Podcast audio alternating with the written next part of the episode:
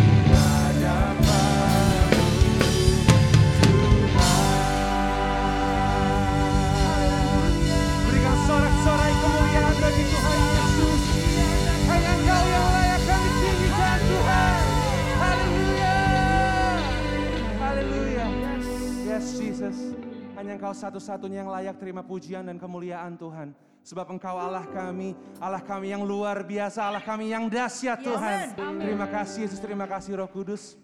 Kami ingin terus memuji dan memuliakan nama Engkau di tempat ini Bapak. Mari sama-sama siap untuk memuji dan memuliakan lebih lagi di tempat ini kita katakan Amin. Oh, sekali lagi boleh kasih senyum kiri kanannya walaupun masih dalam masker, tapi matanya bisa berbicara. Ya, boleh sambil lambah-lambaikan tangan. On, kita bernyanyi bagi Tuhan. Yuk.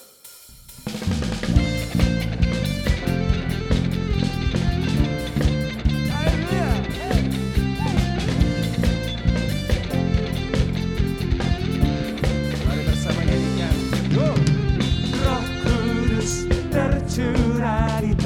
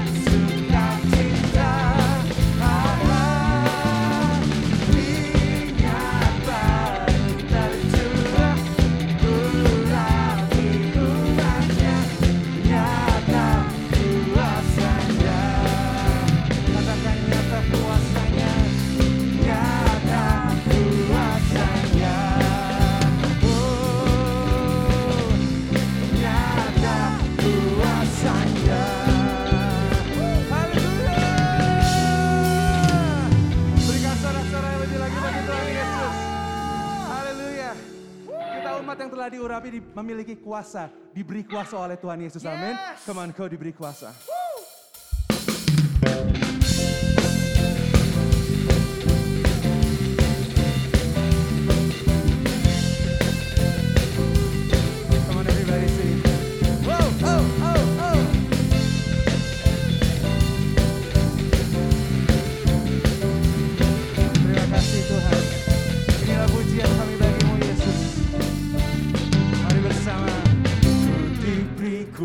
xa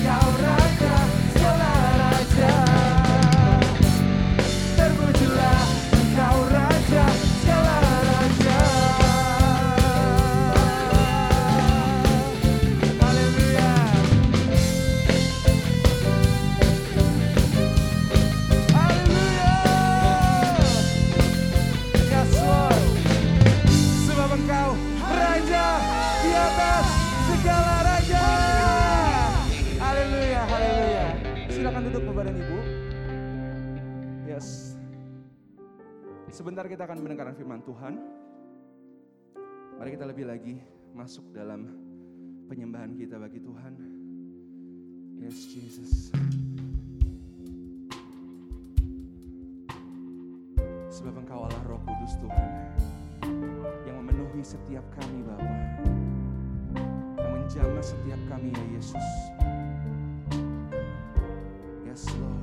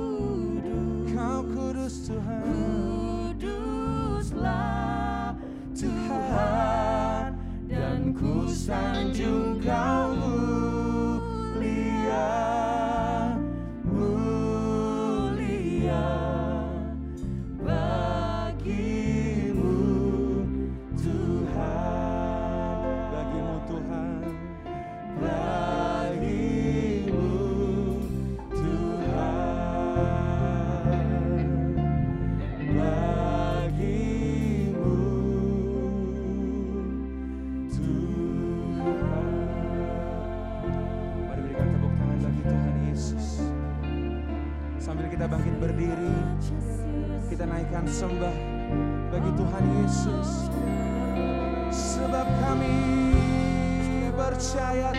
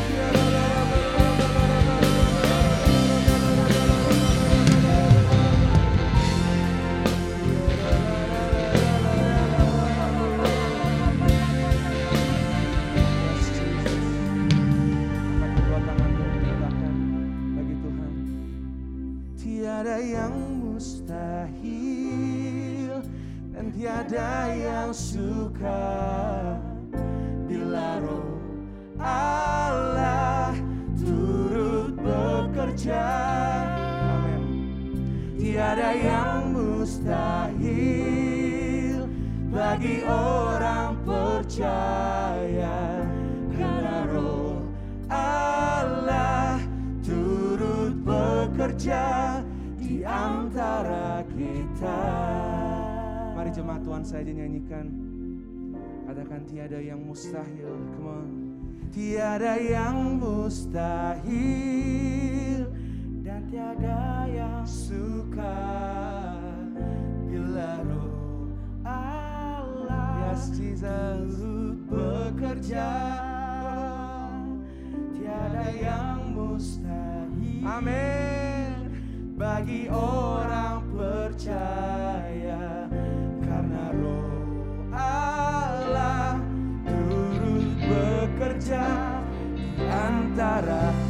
die.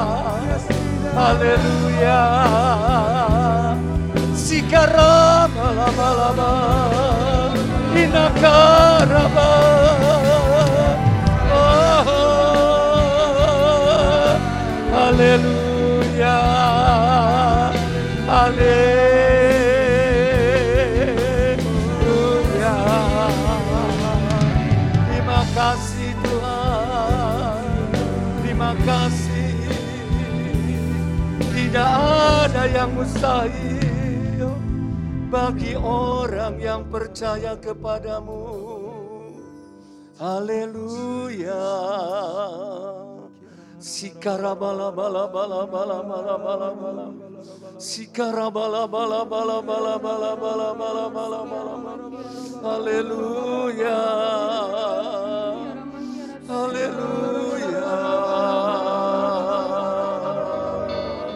Sikarabala bala bala bala bala bala bala bala bala bala. Inakarabala bala bala bala bala bala bala bala bala bala. Shada karabala bala bala bala bala bala bala bala bala bala bala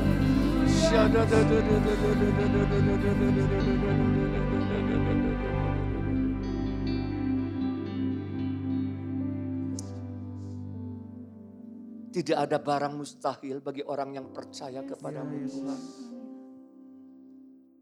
Karena kami tahu Tuhan, ketika hidup kami dipenuhi oleh roh kudus, maka kami akan berjalan di dalam kuasamu Tuhan. Yang tidak mungkin menjadi mungkin. Penuhi kami terus dengan roh kudusmu Tuhan. Engkau terlalu baik bagi kami Tuhan. Engkau tidak pernah meninggalkan kami sendirian. Ya, Yesus. Tapi engkau menyertai kami Tuhan. Engkau ada di dalam kami Tuhan. Ya, Dan kami Tuhan akan melakukan perkara-perkara besar amin. dalam kehidupan kami Tuhan. Terima kasih Tuhan. Terima kasih. Terima kasih. Sebentar kami akan merenungkan firman-Mu. Pengurapan-Mu turun atas setiap kami. Yang memampukan kami melakukan setiap kebenaran firman Tuhan. Pengurapan-Mu juga turun atas hamba-Mu Tuhan. Bila roh kudus terus bekerja lewat kebenaran firman Tuhan. Karena firman Tuhan akan memerdekakan setiap kami. Firman Tuhan akan mengubah hidup kami. Memberkati setiap kami Tuhan. Dan kami serahkan pemberitaan firman sepenuhnya ke dalam tanganmu Bapa. Hanya di dalam nama Yesus kami berdoa dan mengucap syukur kepadamu. Yang percaya sama-sama kita katakan amin. Kita beri kemuliaan bagi Yesus. Lebih lagi bagi dia. Haleluya. Haleluya. Haleluya. Silakan duduk saudara. Ya shalom semua. Ya jemaat di BPPL yang onsite maupun yang ada di rumah. Ya kita bersyukur kalau Tuhan masih memberikan kesempatan kepada kita untuk datang beribadah kepada Tuhan. Karena kita butuh Tuhan. Di luar Tuhan kita tidak bisa berbuat apa-apa saudara. Ya. Sekalipun kita tidak lepas daripada masalah persoalan dalam hidup kita, tapi kita punya penolong dalam kehidupan saya dan saudara yang menyertai saya dan saudara selama-lamanya. Yang tidak pernah meninggalkan saya dan saudara. Cuma pertanyaannya apakah kita bergaul dengan roh kudus? Apakah kita terus roh kudus memenuhi dalam kehidupan saya dan saudara di dalam kehidupan kita saudara. Pagi hari ini kita akan merenungkan firman Tuhan dengan tema hidup yang berdampak. Ya, tema kita tahun ini selama tahun ini bangkitlah jadilah terang. Arti berarti saudara salah satunya hidup saya dan saudara harus berdampak. Saudara, sehingga ketika hidup saya dan saudara berdampak, maka nama Tuhan ditinggikan, dipermuliakan dan akan banyak orang diselamatkan lewat kehidupan saya dan saudara. Amin saudara. Sepuluh hari yang lalu saudara, saya dan saudara memperingati ibadah kenaikan Yesus ke surga. Amin. Sebelum Yesus naik ke surga, dia berkata kepada muridnya, tunggu di Yerusalem. Tunggu janji Bapa. Kau akan dibaptis oleh roh kudus. Kau akan dipenuhi oleh roh kudus. Dan Yesus naik ke surga. Dan hari ini adalah hari Pentakosta. Hari pencurahan daripada roh kudus. Amin saudara. Mari kita lihat Yohanes 14 ayat 15 sampai dengan 17 lebih dahulu. Yohanes 14 ayat 15 sampai 17 berbunyi demikian. Jikalau kamu mengasihi aku, kamu akan menuruti segala perintahku. Aku akan minta kepada Bapa dan ia akan memberikan kepadamu, kepada saya dan saudara, seorang penolong yang lain. Supaya ia menyertai kamu selama-lamanya. Yaitu roh kebenaran. Dunia tidak dapat menerima dia. Sebab dunia tidak melihat dia dan tidak mengenal dia. Tetapi kamu, saya dan saudara, mengenal dia sebab ia menyertai kamu dan akan diam di dalam kamu. Kalau kita lihat ayat 15 mengatakan, jikalau kamu mengasihi aku, kamu akan menuruti segala perintahku. Jadi kalau kita melihat tanda utama orang yang mengasihi Tuhan, bukan bahasa roh, tidak salah kita bisa berbahasa roh. Tanda orang yang mengasihi Tuhan bukan pakai kayu kalung salib, tidak salah kita punya kalung salib. Tanda orang yang mengasihi Tuhan bukan pergi ke ibadah, tidak salah kita pergi ibadah, kita butuh Tuhan. Tapi bukan itu tandanya. Tapi mereka yang menuruti apa? Segala perintahku.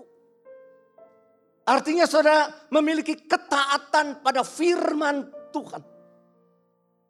Kita jujur saudara, mudah nggak kita menuruti perintah Tuhan? Apalagi segala perintahku mudah atau tidak? Jujur, tidak mudah. Yesus tahu saudara itu tidak mudah. Oleh sebab itu Yesus mengatakan di ayat 16, tadi ayat 15. Aku akan minta kepada Bapa dan ia akan memberikan kepadamu seorang penolong yang lain. Supaya ia menyertai kamu, saya selama-lamanya. Bukan satu tahun, dua tahun, sepuluh tahun, lima belas tahun. Selama-lamanya menyertai saya dan saudara. Sebagai penolong dalam kehidupan saya dan saudara. Amin saudara. Yang menyertai saya siapa itu penolong itu? Ayat 17 berbunyi. Yaitu roh kebenaran, roh kudus artinya. Dunia tidak dapat menerima dia. Sebab dunia tidak melihat dia dan tidak mengenal dia. Tetapi kamu, saya dan saudara, mengenal dia Sebab ia menyertai kamu dan akan diam di dalam kamu. Saudara kalau kita melihat pribadi Tuhan yang dahsyat. Itu ada di dalam hidup kita. Orang mengatakan, wah Allahku berkuasa, Allah kita berkuasa. Allahku kudus, yes Allahku baik, betul. Tapi bedanya Allah kita adalah ada di dalam diri kita. Tinggal di dalam diri kita. Diam di dalam hidup kita menyertai kita selama-lamanya. Amin. Namanya adalah Roh Kudus. Saya dan saudara bisa melakukan segala perintah Tuhan. Ya, saya dan saudara bisa melakukan kehendak Tuhan dalam hidup kita. Kenapa? Karena apa? Bukan karena kita kuat. Karena roh kudus ada di dalam diri saya dan saudara. Menjadi penolong dalam kehidupan saya dan saudara. Tanpa roh kudus kita tidak tidak bisa melakukan firman Tuhan. Tanpa roh kudus kita tidak bisa melakukan kehendak Tuhan. Kita tahu tapi tidak bisa. Kenapa? Daging ini kuat. Kita tahu firman tapi kita tidak melakukan. Kita tahu kehendak Tuhan yang harus kita lakukan. Contohnya mengasihi orang lain. Yes, apalagi orang itu pika sebelum. Nggak bisa. Oleh sebab Tuhan berikan penolong. Dia ada di dalam diri kita. Diam, menyertai saya dan di dalam kehidupan kita. Amin saudara. Oleh sebab itu kita harus terus dipenuhi oleh roh kudus. Kita harus bergaul terus dengan roh kudus. Penuhi aku. Sehingga ketika kita hidup di dunia ini saudara. Kita berjalan dalam kuasa Tuhan. Kita melakukan kehendak Tuhan dalam hidup kita. Kita melakukan segala perintah Tuhan. Tanpa roh kudus kita tidak bisa melakukan firman Tuhan. Karena daging ini kuat saudara. Tapi Tuhan tahu. Dia berikan roh kudus dalam kehidupan saya dan saudara. Yang menyertai saya dan saudara menjadi penolong yang tidak pernah meninggalkan saya saudara dalam kehidupan saya dan saudara. Oleh sebab itu kita harus terus dipenuhi oleh roh kudus dalam kehidupan saya dan saudara. Dan kita tahu peran roh kudus apa saudara. Sebagai penolong firman Tuhan mengatakan. Sebagai penghibur yang mengisafkan dosa kita adalah roh kudus. Yang mengajarkan tentang segala sesuatu adalah roh kudus. Saudara, yang mengingatkan tentang perkataan Yesus, itu firman Tuhan, roh kudus yang memberitahukan hal-hal yang akan datang, yang akan terjadi adalah roh kudus. Yang memberikan damai sejahtera dalam hidup saya adalah roh kudus. Bahkan yang memberikan kuasa dalam kehidupan saya dan saudara. Untuk menjadi saksi Tuhan di tengah dunia hari ini adalah roh kudus. Amin saudara. Amin saudara. Oleh sebab itu kisah Rasul 1 ayat 8 mengatakan demikian. Tetapi kamu akan menerima kuasa kalau roh kudus turun ke atas kamu. Dan kamu menjadi saksiku, akan menjadi saksiku. Di Yerusalem, di seluruh Yudea, Samaria, sampai ke ujung bumi. Kamu akan memiliki kuasa. Kuasa untuk apa? Menjadi saksi. Ketika apa? Roh Kudus turun ke atas kamu. Ketika Roh Kudus memenuhi hidup saya dan saudara. Kita bisa menjadi saksi Kristus. Amin saudara. Jadi Tuhan mau saudara. Dalam kehidupan kita menjadi saya dan saudara. Menjadi orang yang berdampak. Amin saudara. Orang yang menjadi orang yang berdampak. Menjadi saksi. Artinya orang yang berdampak. Bukan cuma bersaksi. Kalau kita bersaksi, kita yang berbicara. Amin saudara. Kita bersaksi di, di, disembuhkan Tuhan, diberkati Tuhan atau apa. Kita yang berbicara. Tapi kalau menjadi saksi, orang lain yang berbicara kepada kita. Tuhan mau kita menjadi dampak di tengah-tengah dunia yang gelap ini saudara. Artinya saudara menjadi orang yang bisa memperlihatkan kehidupan Tuhan di tengah-tengah orang lain lewat diri saya dan saudara. Itu saksi.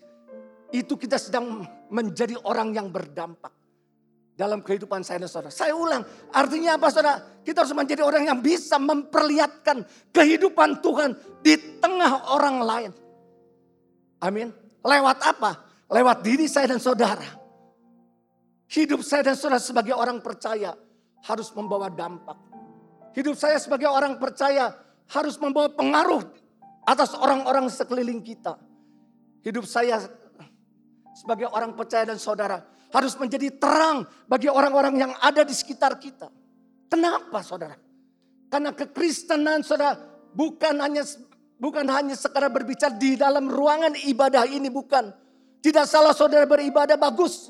Itu saudara, tapi kekristenan bukan berbicara ketika saudara ada di dalam ruangan ibadah, tapi kekristenan berbicara ketika apa saudara? Dalam kehidupan kita sehari lepas sehari. Itu kekristenan. Bukan hanya berbicara di dalam ruangan ibadah. Tapi di dalam keseharian saya dan saudara. Di mana pun saya dan saudara berada. Di rumah, di pekerjaan, di pelayanan. Itu saudara. Dalam kehidupan saya dan saudara. Tuhan ingin saya dan saudara mem membawa dampak. Supaya apa saudara? Supaya orang melihat Yesus melalui hidup saya dan saudara. Dan mereka percaya kepada Yesus. Amin saudara. Lewat siapa? Lewat saya dan saudara dalam kehidupan saya dan saudara. Selama kita hidup saudara, Tuhan ingin kita melakukan sesuatu, saya dan saudara melakukan sesuatu. Agar orang lain itu hidupnya berubah lewat kehidupan saya dan saudara. Amin saudara. Tuhan ingin kita melakukan sesuatu. Amin saudara. Apalagi kita diberikan roh kudus dalam kehidupan saya dan saudara. Hidup kita harus menjadi dampak dalam kehidupan saya dan saudara. Amin. Sehingga ketika orang lain ketemu dengan kita saudara. Lewat kehidupan kita hidupnya diubahkan saudara. Dengan cara apa? Bisa berbagai cara menguatkan orang lain hari ini. Menasehati orang lain. Menolong orang lain. Dan saya percaya orang itu akan berubah lewat kehidupan saya dan saudara. Gereja saudara harus menjadi dampak bagi kemuliaan Tuhan yang saya tangkap. Hidup saya dan saudara harus menjadi dampak bagi kemuliaan Tuhan. Keluarga kita harus menjadi dampak bagi kemuliaan Tuhan. Pelayanan kita harus menjadi dampak bagi kemuliaan Tuhan. Kalau kita menjadi dampak saudara, ada banyak orang akan diselamatkan lewat kehidupan saya dan saudara. Kenapa? Karena hidup saya dan saudara berdampak. Orang bisa melihat Yesus ada dalam kehidupan. Aku mau ikut Allahmu. Kita bisa menjadi dampak, bisa. Karena roh kudus ada dalam diri saya dan saudara sebagai penolong tadi yang menyertai saya dan saudara selama-lamanya. Tapi kalau kita tidak dipenuhi oleh Roh Kudus, saudara, Roh Kudus tidak bergaul dengan Roh Kudus, dibiarkan, kita nggak bisa jadi dampak dalam kehidupan, apalagi di tengah-tengah kegelapan hari-hari ini. Tuhan berikan Roh Kudus sebagai penolong dalam kehidupan kita, saudara. Dahsyat, saudara, pribadi Tuhan yang dasar ada dalam kehidupan saya dan saudara. Mana ada yang lain? Dalam kehidupan kita, menyertai kita, oleh sebab itu kita tidak takut akan kehidupan apa pun. Karena Allah ada di dalam diri saya dan saudara. Amin saudara. Allah ada di dalam diri saya dan saudara. Oleh sebab hidup kita harus berdampak. Kita lihat Rasul Paulus mengatakan apa kepada jemaat Tesalonika. 1 Tesalonika 3 ayat 10 mengatakan demikian. Rasul Paulus, siang malam kami berdoa sungguh-sungguh. Rasul Paulus, supaya kita bertemu muka dengan muka dan menambahkan apa yang masih kurang pada imanmu. Coba, Rasul Paulus mengatakan demikian satu Tesalonika tiga Siang malam kami berdoa sungguh-sungguh Rasul Paulus. Supaya kita bertemu muka dengan muka dan menambahkan apa yang masih kurang pada imanmu. Kita tahu siapa Rasul Paulus. Dia adalah rasul yang besar kalau menurut saya. Saudara, siapa Rasul Paulus? Yang membawa dampak yang besar dalam pelayanan Rasul Paulus. Bahkan kita tahu dua per tiga dari kitab perjanjian baru, saudara, ditulis oleh Rasul Paulus. Kenapa saudara? Karena dia berkata, siang malam kami berdoa sungguh-sungguh. Supaya kita bertemu muka dengan muka. Untuk apa bertemu muka dengan muka? Untuk menambahkan apa yang masih kurang pada imanmu. Pada orang lain. Yang saya supaya hidup orang itu berubah lewat kehidupan saya dan saudara. Karena Rasul Paulus ada orang yang suka menambahkan sesuatu pada orang lain.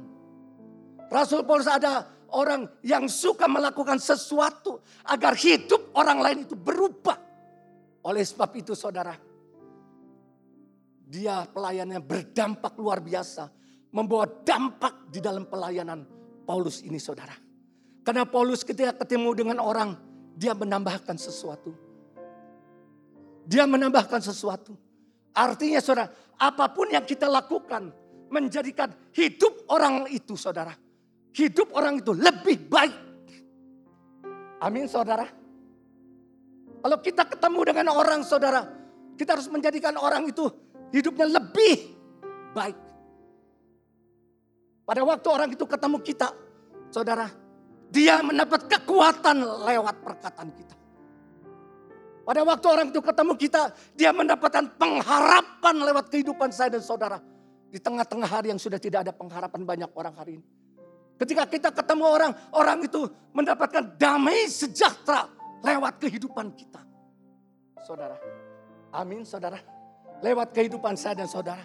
Ketika orang itu sudah tidak semangat lagi karena keadaan hari ini. Lewat kehidupan kita bertemu muka dan muka. Orang yang tidak semangat menjadi semangat kembali. Mengubah hidup orang lain. Amin saudara.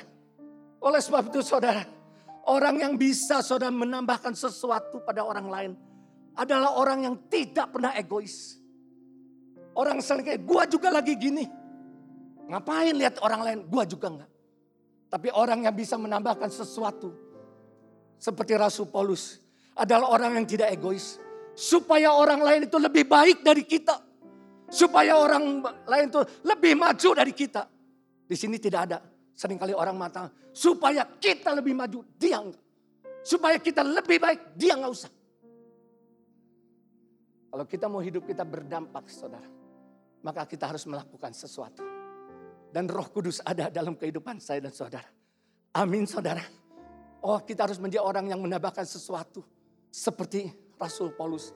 Pelayannya berdampak luar biasa, dipakai luar biasa. Dalam kehidupan saya dan saudara. Karena dia dipenuhi oleh roh kudus Rasul Paulus. Ke mana pun dia pergi. Amin saudara. Amin. Tapi ada juga orang yang mengurangi sesuatu dalam hidup kita. Bukan menambahkan seperti Rasul Paulus. Mengurangi sesuatu dalam hidup kita. Kalau kita ketemu sama dia, dia ngomongnya apa? Yang negatif aja. Ngomongnya susah, ripuh, ripuh. Itu mengurangi sesuatu dalam hidup kita. Karena orang belum percaya, kita sebagai orang percaya, ripuh aja namanya. Susah aja namanya, hese aja hese. Loh, kita sedang mengurangi sesuatu. Rasul Paulus menambahkan sesuatu. Agar orang itu lebih baik, agar orang ini berubah lewat kehidupan saya dan saudara. Amin saudara. Amin saudara. Amin. Ada lagi orang yang menambahkan, yang mengurangi sesuatu. Di sini nggak ada. Hari Minggu mentong nggak gereja, naik sepeda. Betul supaya saat betul tidak salah naik sepeda. Oh iya, ayo ikut. Lama-lama udah siang pulang capek, untuk ke gereja, dan gereja nu sore. Sampai kabur. Mengurangi sesuatu. Bukan menambahkan sesuatu. Bukan membawa dia untuk semakin dekat kepada Tuhan. Tapi mengurangi sesuatu. Bicaranya negatif terus dalam kehidupannya saudara. Bagaimana rahasianya hidup saya dan saudara agar berdampak. Karena roh kudus ada dalam kehidupan saya dan saudara. Hidup di dunia ini singkat. Tuhan mau hidup kita berdampak. Lewat kehidupan saya dan saudara. Ada banyak orang percaya kepada Yesus. Lewat kehidupan saya dan saudara. Yang pertama rahasia hidup berdampak adalah tambahkan nilai yang baik kepada hidup orang lain untuk kita berdampak. Menambah nilai yang baik melalui apa? Perkataan yang membangun hari-hari di tengah keadaan hari ini. Menambahkan melalui perkataan yang membangun. Karena perkataan itu adalah casing kita. Saudara tahu casing handphone ada casingnya, betul apa betul? Saudara suka ganti-ganti casing yang bagus mana oh milih. Uh pengen keren. Padahal handphone, handphonenya misalkan 2 juta kelihatan jadi kayak handphone 10 juta. Karena casing. Perkataan kita adalah casing kita yang dapat dilihat oleh semua orang. Apa yang kita katakan di sosial media. Apakah perkataan yang membangun, perkataan yang menguatkan, atau perkataan perkataan firman Tuhan, perkataan iman, atau unek-unek kita yang kita keluarkan di sosial media. Orang bisa tahu saudara. Perkataan adalah casing kita saudara. Kalau kita beli handphone saudara. Saudara handphone yang pertama yang dilihat apa? Ketika handphone baru keluar. Pasti lihat casingnya dulu betul nggak? Benar nggak? Baru dalamnya apa? Waduh canggih lebih canggih daripada. Baru dalamnya. Tapi lihat casingnya. Atau saudara mau beli ada handphone yang paling mutakhir mungkin yang keluar 20 juta. Samsung yang misalkan, Samsung yang luar biasa. Ternyata casingnya teh casing misalkan. Iya mah casingnya rada ngorak eh. Jika handphone anu sejutaan, saudara beli nggak? Padahal dalamnya bagus. Canggih. Saudara belum tentu beli. Kenapa? Karena casingnya panorama kayak yang murahan. Gua beli 20 juta. Orang lihat jika jika handphone cetiau. Saudara nggak beli. Perkataan adalah casing kita. Betul apa betul? Yang bukan hanya dilihat, dilihat orang di luar perkataan kita bagaimana. Oleh saat kita harus menambahkan perkataan yang membangun hari ini hidup kita harus berdampak. Di mana pun saya dan saudara. Perkataan kita adalah harga diri kita. Orang bisa menghargai kita atau tidak saudara. Dari apa yang kita katakan. Dari apa yang kita ucapkan. Betul apa betul? Kalau orang itu mengucapkan nu negatif. Ngomongin orang aja saudara. Yang negatif ngomongin orang aja terus. Pasti kita tidak menghargai orang itu. Kenapa? Membuat liur Betul apa betul dalam kehidupan kita? Kita akhirnya tidak akan dihargai oleh orang. Padahal hidup kita harus berdampak supaya mereka melihat Yesus dalam hidup kita. Dan mereka boleh percaya kepada Yesus sebagai Tuhan dan Juru Selamat. Perkataan kita adalah masa depan kita. Benih yang kita tabur hati-hati. Masa depan kita Tuhan masa depan yang penuh harapan. Tapi perkataan apa yang keluar dari mulut kita susah, nggak mungkin, nggak mampu apa yang kita tabur itu akan kita tuai. Padahal Tuhan memberikan masa depan yang penuh harapan. Kita sebagai anak Tuhan yang punya Allah. Allahnya itu ada di dalam kita. Yang menyertai kita. Yang akan melakukan perkara-perkara besar dalam kehidupan saya dan saudara. Perkataan kita adalah masa depan kita. Perkataan kita adalah doa kita. Kalau saudara sering kali mengucapkan kata-kata yang negatif tentang keluarga kita. Kepada teman kita tentang suami kita, istri kita kepada teman kita. Yang mengucapkan yang negatif ya bukan positif. Yang negatif tentang anak-anak kita. Itu adalah doa kita. Kenapa anaknya nggak berubah? Kenapa suami tidak berubah? Kenapa keluargaku nggak berubah? Nggak sadar. Perkataan adalah doa kita saudara. Dan Tuhan tahu apa yang kita doakan di hadapan Tuhan. Amin. Mari perkatakan perkataan yang baik perkataan yang membangun. Karena hidup kita harus berdampak di mana pun kita berada di dalam keluarga, pekerjaan, pelayanan. Supaya nama Tuhan ditinggikan, dipermuliakan. Yang kedua menambahkan nilai yang baik melalui perbuatan kita. Kalau mereka melihat perbuatan baik kita, maka mereka akan memuliakan Tuhan. Betul apa betul? Betul apa betul? Mereka akan memuliakan Tuhan. Orang mengatakan, ah kita teman saya, saya emang gak mau lihat dengar orang ngomong. Perbuatannya saja. Kenapa? Katanya sekarang banyak orang omdo, kata teman saya, omdo. Omong doang. Ngomongnya mengasihi istri, ngomongnya mengasihi keluarga. Ditinggalkan tuh pak istrinya. Lihat perbuatannya saja sekarang. Jangan perkataannya. Kalau saudara kita melihat, mereka melihat perbuatan baik kita. Maka mereka saudara akan memuliakan Tuhan. Amin saudara. Luar biasa kata mereka di dalam kehidupan saya dan saudara. Kalau saudara lihat tentang Tabita dalam kisah Rasul 9 ayat 36 sampai 40 nanti baca saudara. Dia Tabita menolong orang lain. Saudara, menolong orangnya dengan perbuatan baiknya. Dia menjahitkan pakaian untuk apa? Janda-janda yang miskin. Dijahitkan. Saudara, janda-janda yang miskin. Dan sekali waktu Tabita itu meninggal. Saudara, ditangisi oleh banyak orang saudara baca. Ditangisi oleh banyak orang. Kenapa ditangisi oleh banyak orang? Karena hidup Tabita berdampak. Saudara, hidup Tabita berguna bagi orang lain. Ditangisi orang lain. Saudara kalau mau lihat saudara, bagaimana hidup saya dan saudara berdampak. Lihat aja waktu meninggalnya. Saya kemarin sama istri saya, saudara. Melihat Dina Narohana, teman saya meninggal. Itu ketemu dengan teman-teman yang lain. Yang sekolahnya dulu udah dari dulu, eh ketemu di sini. Oh gue kenal dia, dia kenal orangnya baik. Orangnya aduh bisnis juga nggak pernah kiri kanan tipu-tipu baik. Orangnya gini, wah kami ngomong baik. Membawa dampak yang besar. Ketika orang itu meninggal. Betul apa betul? Betul apa betul? Menambahkan nilai yang baik saudara. Amin saudara. Dalam kehidupan saya dan saudara berdampak. Yang ketika menambah nilai yang baik melalui pengaruh yang baik saya dan saudara selama ini termasuk motivator atau provokator. Saya dan saudara selama ini menjadi pembawa masalah atau penyelesai masalah di dalam kehidupan saya dan saudara. Pembawa masalah troublemaker terus di rumah troublemaker, di di mana-mana di pekerjaan di troublemaker, pembuat masalah terus. Jangan kita seperti Yunus saudara. Kalau kita tahu tentang Yunus saudara, Yunus disuruh Tuhan ke Niniwe supaya kota Niniwe bertobat kejahatan meninggal.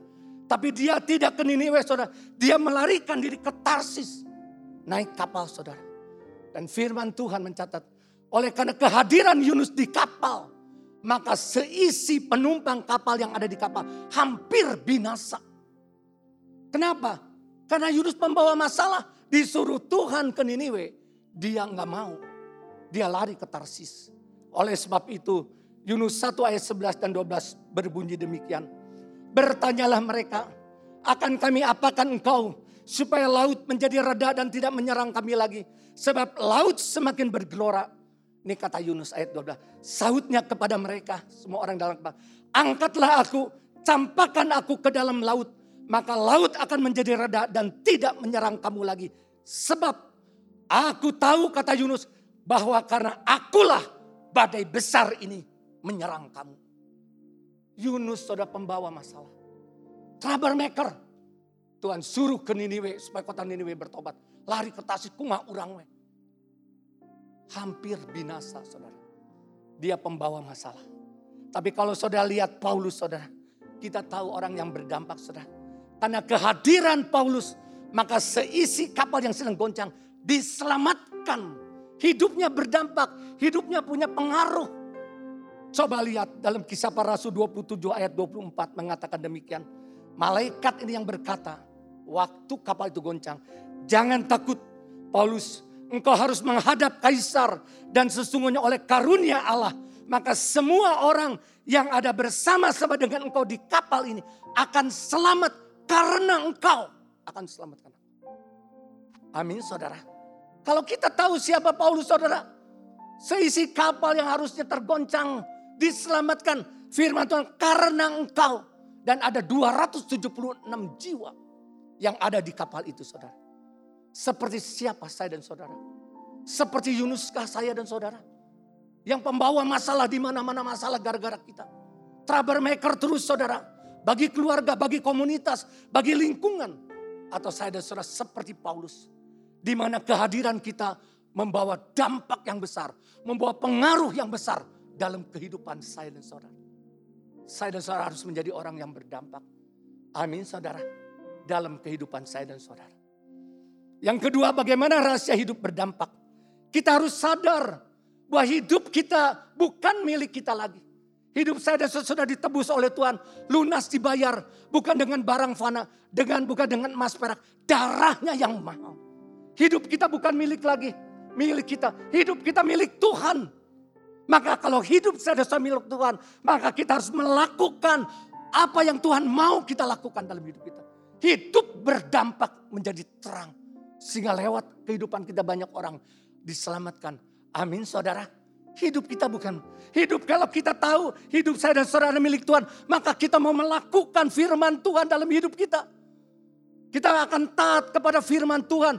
Karena roh kudus sudah diberikan dalam hidup saya dan saudara. Pasti kita bisa melakukan firman Tuhan.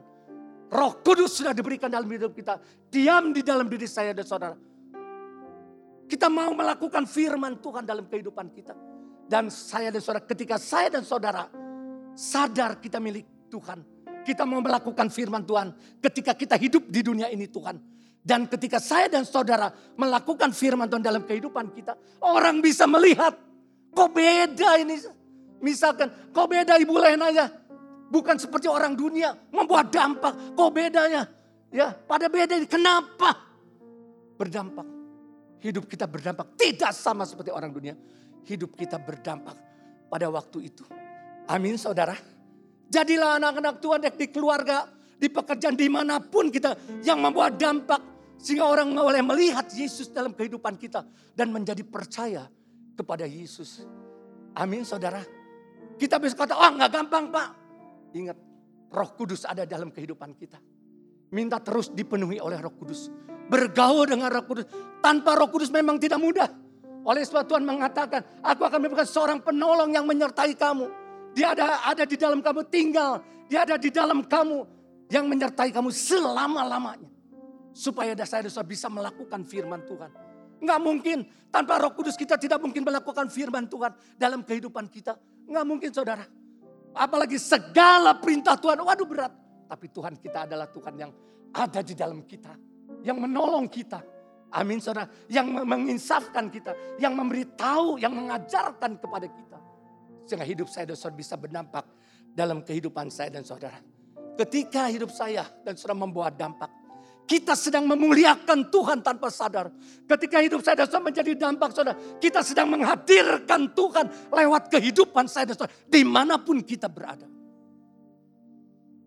Kenapa? Karena Kristus ada di dalam kita. Ke mana pun kita berada. Kristus ada di tengah-tengah kita. Saya dan saudara harus berdampak. Dia berikan roh kudus dalam kehidupan saya dan saudara. Minta terus dipenuhi oleh roh kudus. Amin saudara. Yang ketiga, Rahasia hidup berdampak membawa orang datang kepada Yesus. Matius 28 ayat 19 sampai 20 mengatakan demikian. Karena itu pergilah, jadikanlah semua bangsa muridku. Baptiskanlah mereka dalam nama Bapa, Anak, dan Roh Kudus. Dan ajarlah mereka melakukan segala sesuatu yang telah kuperintahkan kepadamu. Dan ketahuilah, aku menyertai kamu senantiasa sampai kepada akhir zaman.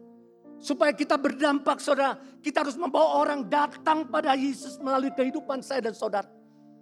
Apa hadiah yang terbesar yang akan kita berikan kepada orang lain? Kepada teman-teman kita. Apa?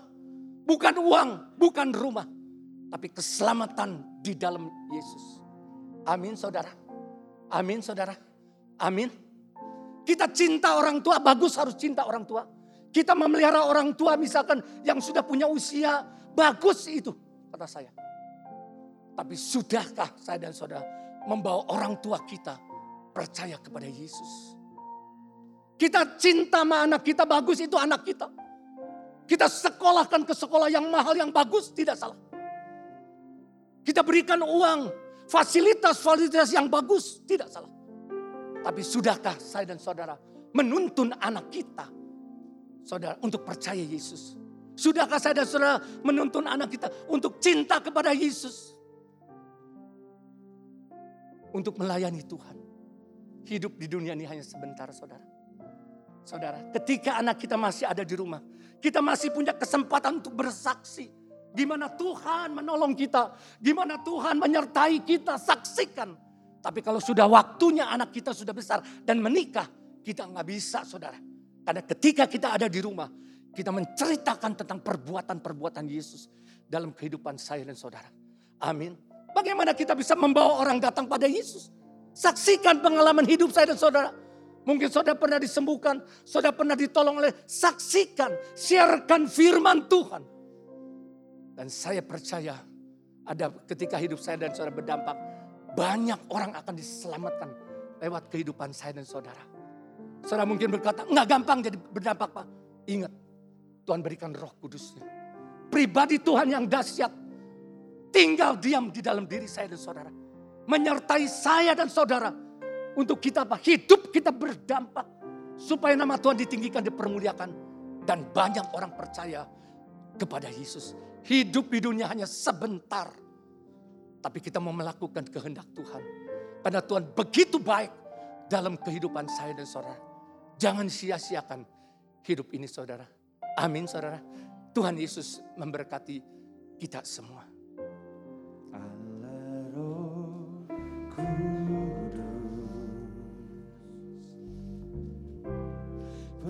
Allah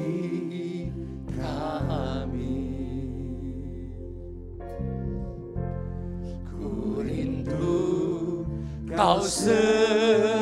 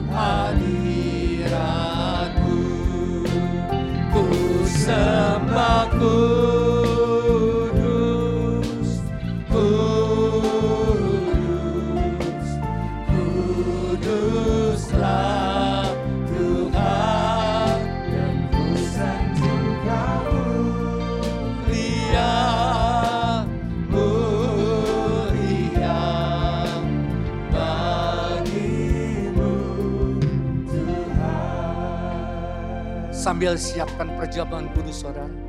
Naikkan pujian ini.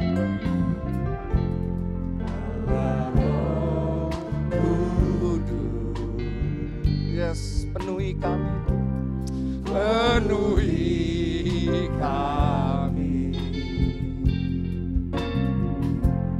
Ku rindu kau selalu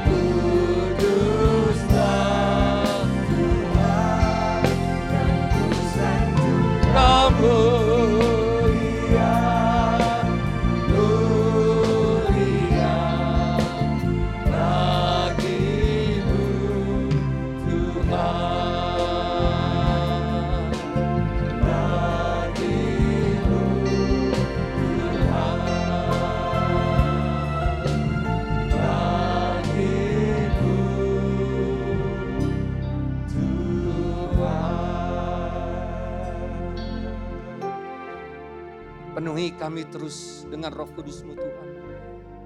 Sehingga kami melakukan segala firman-Mu, perintah-perintah-Mu. Sehingga kami memiliki ketaatan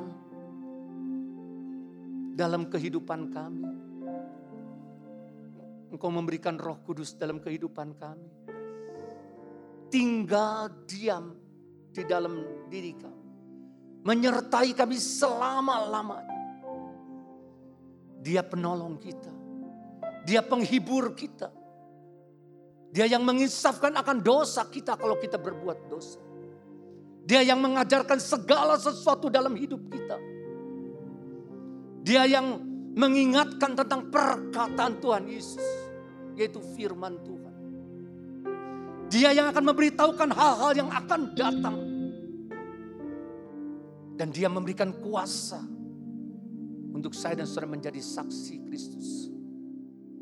Supaya lewat kehidupan kita yang berdampak ini, ada banyak orang akan percaya kepada Yesus. Terima kasih Tuhan. Terima kasih. Terima kasih Tuhan. Ampuni segala dosa dan pelanggaran kami. Segala kelemahan dan kekurangan kami. Ampuni kalau kami sering kali mendukakan roh kudus, membiarkan roh kudus dalam hidup kami. Ampuni kami. Penuhi kami terus Tuhan. Dengan roh kudus-Mu Tuhan. Terima kasih Tuhan. Terima kasih Tuhan. Terima kasih. Terima kasih. Terima kasih. Sebentar kami akan masuk perjamuan kudus ini Tuhan. Kami mau masuk dengan hati yang penuh ucapan syukur kepadamu. Di dalam nama Yesus kami berdoa. Amin. Sebab apa yang telah kuteruskan kepadamu, telah aku terima dari Tuhan. Itu bahwa Tuhan Yesus pada malam waktu ia diserahkan mengambil roti. Kita angkat roti kita. Dan sesudah itu ia mengucap syukur atasnya. Ia memecah-mecahkannya dan berkata, inilah tubuhku yang diserahkan bagi kamu. Perbuatlah ini menjadi peringatan akan aku. Kekasih-kekasih Tuhan. Bukankah roti ini adalah persekutuan dengan tubuh Kristus? Mari kita makan dalam nama Yesus.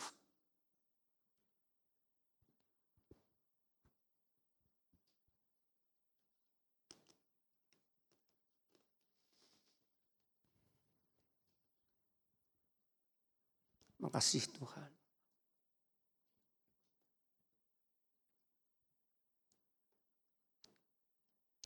Kita angkat cawan di tangan kanan kita. Demikian juga ia mengambil cawan sesudah makan. Lalu berkata, cawan ini adalah perjanjian baru yang dimeteraikan oleh darahku. Perbuatlah ini. Setiap kali kamu meminumnya, menjadi peringatan akan aku. Kekasih-kekasih Tuhan, bukan kacauan pengucapan syukur yang atasnya kita bersyukur adalah persekutuan dengan darah Kristus. Mari kita minum dalam nama Yesus.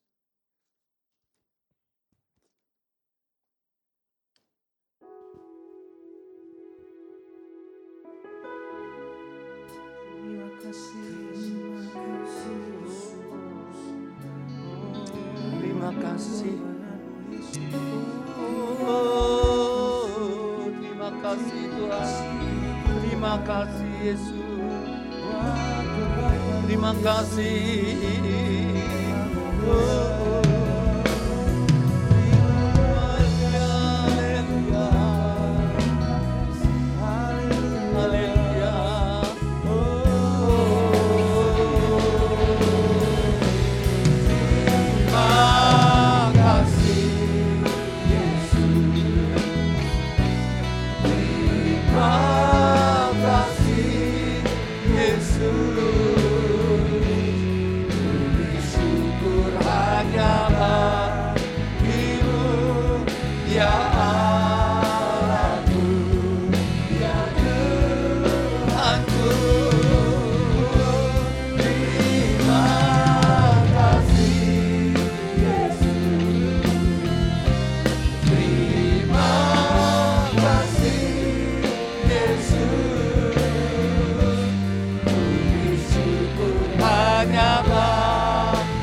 Bagimu.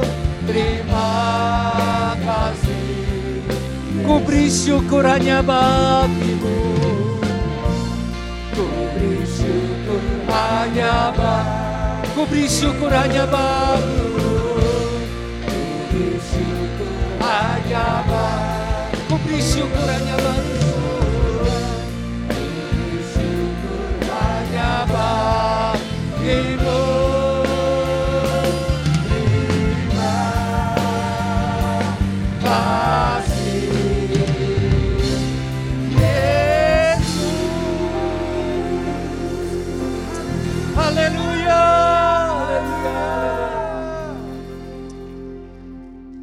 Kasih Tuhan buat tubuh dan darahmu Tuhan. Ya, Yang kau berikan kepada kami Tuhan.